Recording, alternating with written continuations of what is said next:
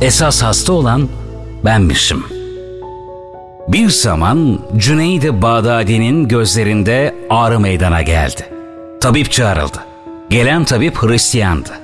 Muayene ettikten sonra gözlerinize su değdirmeyeceksiniz dedi. Cüneyd-i Bağdadi su değdirmezsem nasıl abdest alırım deyince tabip gözleriniz size lazımsa su değdirmeyeceksiniz dedi. Cüneyd-i Bağdadi abdest alıp namaz kıldı ve namazdan sonra bir miktar uyudu.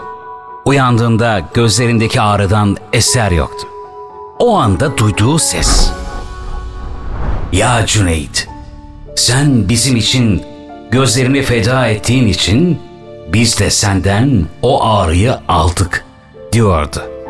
Bir zaman sonra Hristiyan tabip tekrar geldi. Baktı ki gözleri tamamen iyi olmuş, hayret etti. Nasıl yaptın da iyi oldu? diye sordu.